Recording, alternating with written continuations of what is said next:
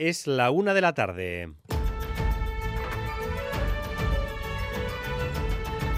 Crónica de Euskadi con Dani Álvarez. A Ratzaldeón, la crisis de los pellets en Galicia empieza a ser un tira y afloja entre la Junta, que dice tranquilidad, no pasa nada, y la gente, que se está lanzando a las playas a limpiar sin demasiadas nociones de cómo hacerlo, porque, lógicamente, está muy preocupada que non temos ni medios, ni sabemos cal é a maneira. O que non podemos ir ali é 20, 30 personas, 40, para recoller eh, 10 bolas e cos pés enterrar 40.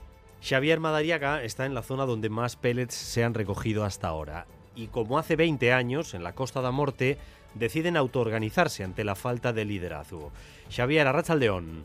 Sí, a Rachaldeón, sí, así es, porque la Junta de la Junta solo han recibido una circular enviada el jueves pasado a los ayuntamientos diciéndoles que recojan los plásticos y que serán indemnizados. Así es que se organizan vía redes, cofradías, asociaciones y todo sin los utensilios necesarios y sin saber muy bien si lo están haciendo correctamente, porque al llevarse el reguero de plásticos pueden llevarse también algas y conchas, alimento muy necesario para muchas de las especies en la zona al Partido Popular. El tema le puede atragantar la campaña electoral que pensaba que iba a ser casi casi un paseo. Feijó ha llamado tóxico al gobierno de Pedro Sánchez y este responde que es inconcebible que la Junta esté rechazando ayuda.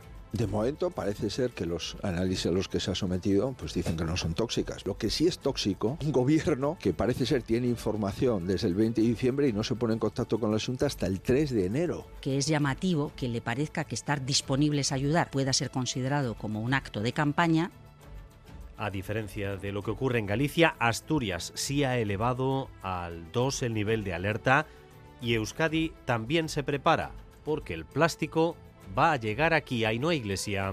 Va a llegar, no parece que vaya a ser esta semana, según la monitorización constante que ha encargado el gobierno vasco, pero llegará. Por eso el gobierno ha activado el plan especial de emergencias en fase de alerta, es decir, estar preparados para cuando esas microesferas lleguen a nuestra costa, tener preparados los recursos y las actuaciones que pasarían por intentar actuar en alta mar para que no lleguen a los arenales. Ahí se ha pedido colaboración, por ejemplo, a las cofradías de Arranzales. Una vez toquen costa, se intensificaría la limpieza de las playas. La consejera de Salud, Gochones Agardu, arremete contra la ministra por imponer a los gobiernos autonómicos la mascarilla obligatoria. Una medida que, que en estos momentos, desde el punto de vista asistencial, no tendría eficacia en la prevención. Y no es la única a la que este acto de centralización le sienta mal.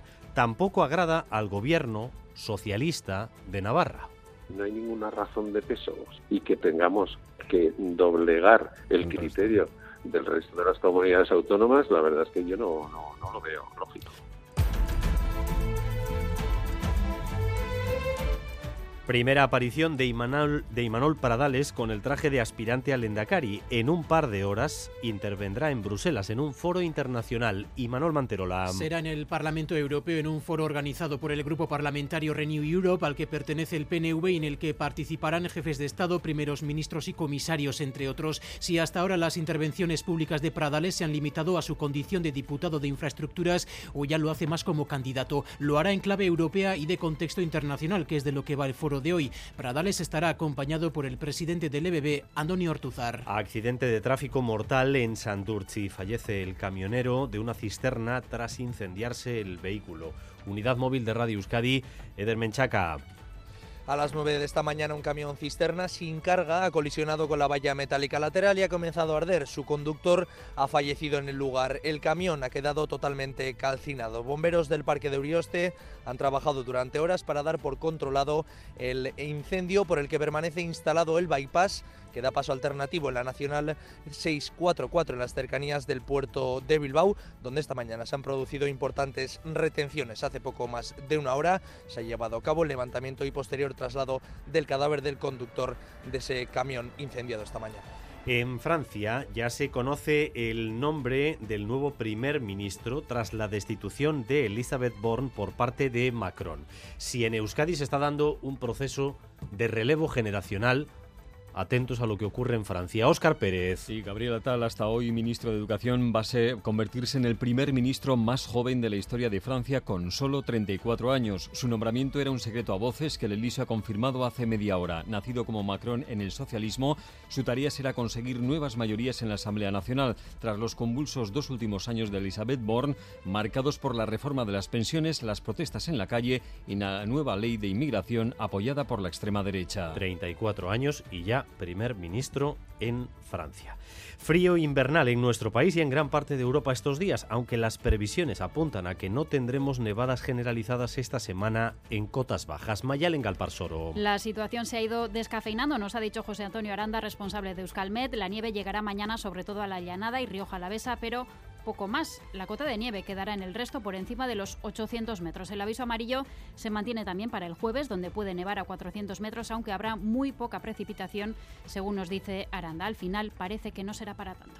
Una situación que hace unos días veíamos con, cierta preocupación porque eran unas lluvias, eh, unas nevadas bastante generalizadas y en cota bajísima, se ha ido descafeinando poco a poco y al final va a quedar pues en una situación de, bueno, de un aviso amarillo con, con unas pocas precipitaciones en forma de nieve.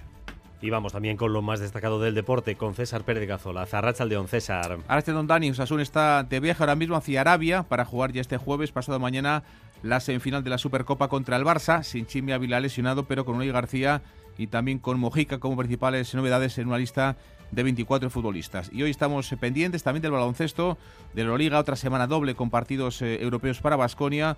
Los asistarras se juegan en la pista del Mónaco esta tarde desde las 7. Y en pelota, las Winter Series desde esta punta, victoria anoche de Ari Erquiega y de Johnny Barlucea ante la ducha y Gorka entre sets. Los ganadores se meten en semis como primeros de grupo. Gracias. Un día más por elegir Radio Euskadi y Radio Vitoria para informarse. Raúl González y José Ignacio Revuelta se encargan de la dirección técnica, María Cereceda de la coordinación. Crónica de Euskadi con Dani Álvarez.